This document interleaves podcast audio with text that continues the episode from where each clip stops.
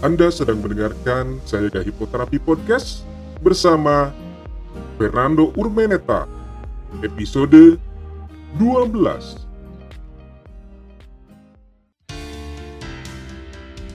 Selamat datang di serial audio podcast bersama Sayaga Hipnoterapi. Institusi penyedia layanan hipnoterapi dan konseling profesional di Kota Bandung yang membantu penanganan berbagai masalah kesehatan, emosi, dan perilaku yang mengganggu kualitas hidup. Berpijak pada nasihat luhur, eling, waspada, lan sayaga, serial audio podcast Sayaga Hipnoterapi hadir untuk membantu Anda menata kehidupan yang berkualitas secara fisik, mental, emosional, dan spiritual dengan sikap yang lebih berkesadaran, lebih berwaspada, dan lebih bersiaga. Halo kewargian Sayaga di mana pun berada, Senang sekali rasanya saya Fernando Urmeneta bisa kembali menyapa kawargian melalui audio podcast Sayaga Hipnoterapi.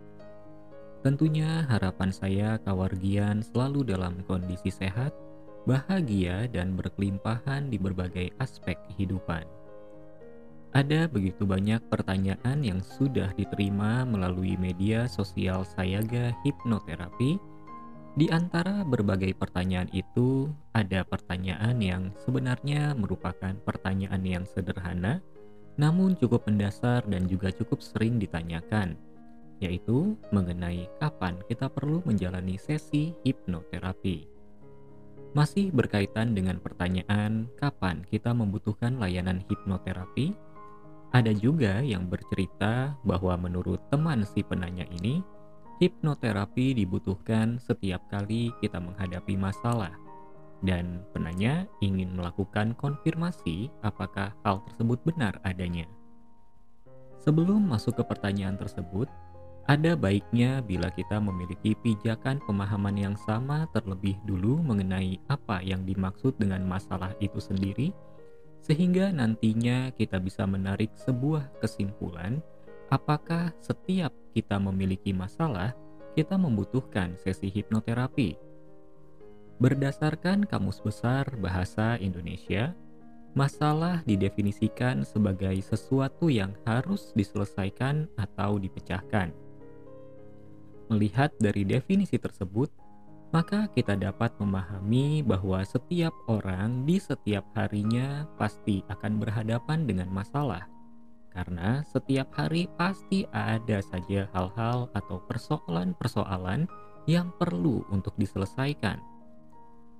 Setelah kita memahami apa yang dimaksud dengan masalah, maka kita juga perlu memahami apa yang dimaksud dengan permasalahan. Definisi permasalahan menurut Kamus Besar Bahasa Indonesia adalah hal yang menjadi masalah atau hal yang dimasalahkan.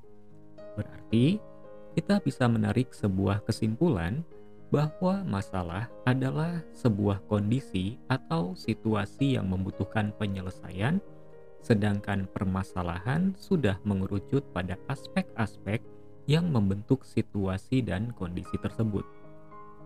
Lalu ada juga kata lain yang terkait dengan masalah dan permasalahan, yaitu bermasalah. Masih berdasarkan Kamus Besar Bahasa Indonesia, bermasalah didefinisikan mempunyai masalah atau mempunyai persoalan yang belum diselesaikan. Setelah kita memiliki pemahaman mengenai apa yang dimaksud dengan masalah, permasalahan, dan bermasalah, sekarang kita masuk ke pertanyaan apakah setiap memiliki masalah kita membutuhkan layanan hipnoterapi. Saya pribadi melihatnya tergantung dari kondisi secara keseluruhan. Apabila seseorang sedang menghadapi masalah dan ia mengetahui apa yang menjadi permasalahan serta tidak terganggu secara emosional, sehingga ia mampu menemukan solusi atas masalah tersebut, tentunya orang ini tidak membutuhkan layanan hipnoterapi. Lalu, kapan seseorang dinyatakan membutuhkan layanan hipnoterapi secara profesional?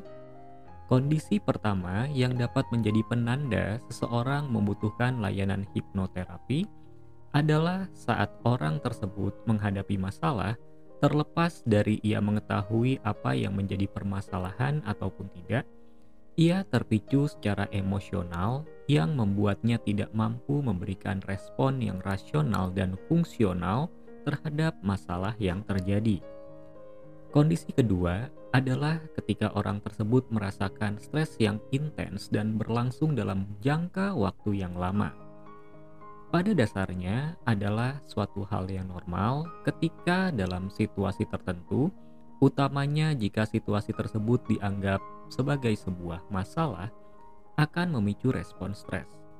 Namun, ketika kondisi stres tersebut sudah berlangsung dalam jangka waktu yang lama, meskipun mungkin situasi yang dianggap sebagai masalah itu sudah berlalu, maka hal ini bisa menjadi penanda bahwa orang tersebut membutuhkan layanan profesional. Penanda yang ketiga adalah adanya rasa cemas yang sulit atau bahkan seolah tidak bisa dikendalikan. Sebenarnya, rasa cemas itu sendiri merupakan suatu hal yang wajar dialami oleh seseorang, terutama jika orang tersebut sedang menghadapi suatu masalah. Namun, ketika rasa cemas terjadi secara berlebihan dan seolah sulit atau bahkan tidak bisa dikendalikan, ada baiknya bila melakukan konsultasi pada praktisi profesional. Karena jika tidak ditangani dengan baik dan dibiarkan dalam jangka waktu yang lama, Rasa cemas ini dapat menghambat aktivitas harian dan juga bisa berkembang ke arah yang lebih serius seperti gangguan kecemasan. Yang keempat adalah adanya perubahan suasana hati yang terjadi secara ekstrim. Pada dasarnya, suasana hati seseorang akan selalu berubah-ubah tergantung pada situasi yang sedang dihadapinya. Misalnya, Seseorang yang di siang hari merasakan senang karena mendapatkan promosi di tempat kerjanya, bisa berubah suasana hatinya menjadi sedih ketika pulang ke rumah di malam hari dan mendapati anaknya dalam keadaan sakit. Namun, ketika perubahan suasana hati ini terjadi tanpa adanya penyebab spesifik dan ekstrim, maka itu adalah suatu gejala adanya sesuatu yang sedang terjadi di dalam diri dan membutuhkan bantuan profesional untuk mengatasinya. Kondisi kelima yang dapat menjadi penanda bahwa seseorang sudah saatnya untuk bertemu dengan praktisi hipnoterapi adalah ketika merasakan ketakutan yang berlebihan. Rasa takut sesungguhnya merupakan perasaan yang sangat wajar dirasakan oleh manusia. Bahkan, menurut beberapa sumber, rasa takutlah yang membuat manusia mengembangkan peradaban. Namun, ada kalanya di mana rasa takut yang terjadi tidak beralasan atau bahkan berlebihan. Contohnya, seperti dalam kasus-kasus fobia, di mana ketakutan yang terjadi tidak realistis dan juga direspon secara berlebihan.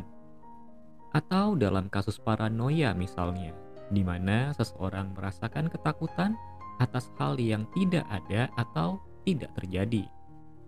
Jika ada dari kawargian yang mengalami hal tersebut, maka itulah saatnya kawargian untuk melakukan konsultasi pada praktisi profesional. Yang keenam adalah hilangnya minat pada hal-hal yang disukai. Pada dasarnya, ketika seseorang menyukai sesuatu hal, maka ia tidak akan kehilangan minat pada hal tersebut meskipun bisa saja ia sudah tidak lagi melakukannya secara aktif. Ketika seseorang sama sekali kehilangan minat pada hal-hal yang disukai, maka kemungkinan besar itu adalah gejala bahwa ia sedang mengalami kondisi mental emosional tertentu. Maka sebaiknya melakukan konsultasi bersama praktisi profesional agar mendapat solusi atas kondisi yang sedang terjadi sekaligus mencegah kondisi tersebut berkembang menjadi gangguan yang lebih serius di masa depan. Ketujuh adalah munculnya pemikiran atau dorongan untuk menyakiti diri sendiri. Ketika menghadapi suatu kondisi dalam intensitas tertentu, dalam beberapa kasus dapat menyebabkan perasaan tidak berharga pada diri seseorang di mana kemudian memicu pemikiran atau dorongan untuk menyakiti diri sendiri dengan perilaku seperti memukul bagian tubuh tertentu seperti kepala sendiri atau menggoreskan kulit menggunakan benda tajam. Hal ini tentunya membutuhkan penanganan serius dari praktisi profesional, karena apabila dibiarkan tanpa ada penanganan, hal ini dapat berkembang menjadi pemikiran atau dorongan untuk melakukan tindakan bunuh diri. Baik kawargian, itulah beberapa penanda yang dapat menjawab pertanyaan di awal mengenai kapan kita membutuhkan layanan hipnoterapi profesional.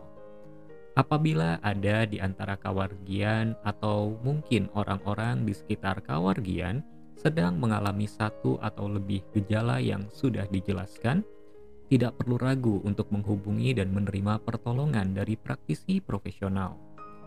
Tidak perlu menghiraukan pendapat yang mengatakan jika bertemu dengan praktisi profesional berarti sudah gila. Karena pada akhirnya kesehatan mental, emosional, serta kebahagiaan kita semua dalam menjalani hidup adalah pilihan dan tanggung jawab kita sendiri. Demikian yang bisa saya paparkan dalam audio podcast kali ini.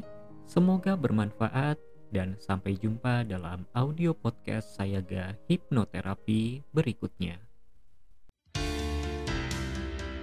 Serial audio podcast Sayaga Hipnoterapi menghadirkan inspirasi kehidupan yang diintisarikan dari berbagai keilmuan psikologi dan pengembangan diri yang juga diadaptasi dari kisah nyata para individu yang menjalani program terapi dan konseling bersama tim profesional dari Sayaga Hipnoterapi.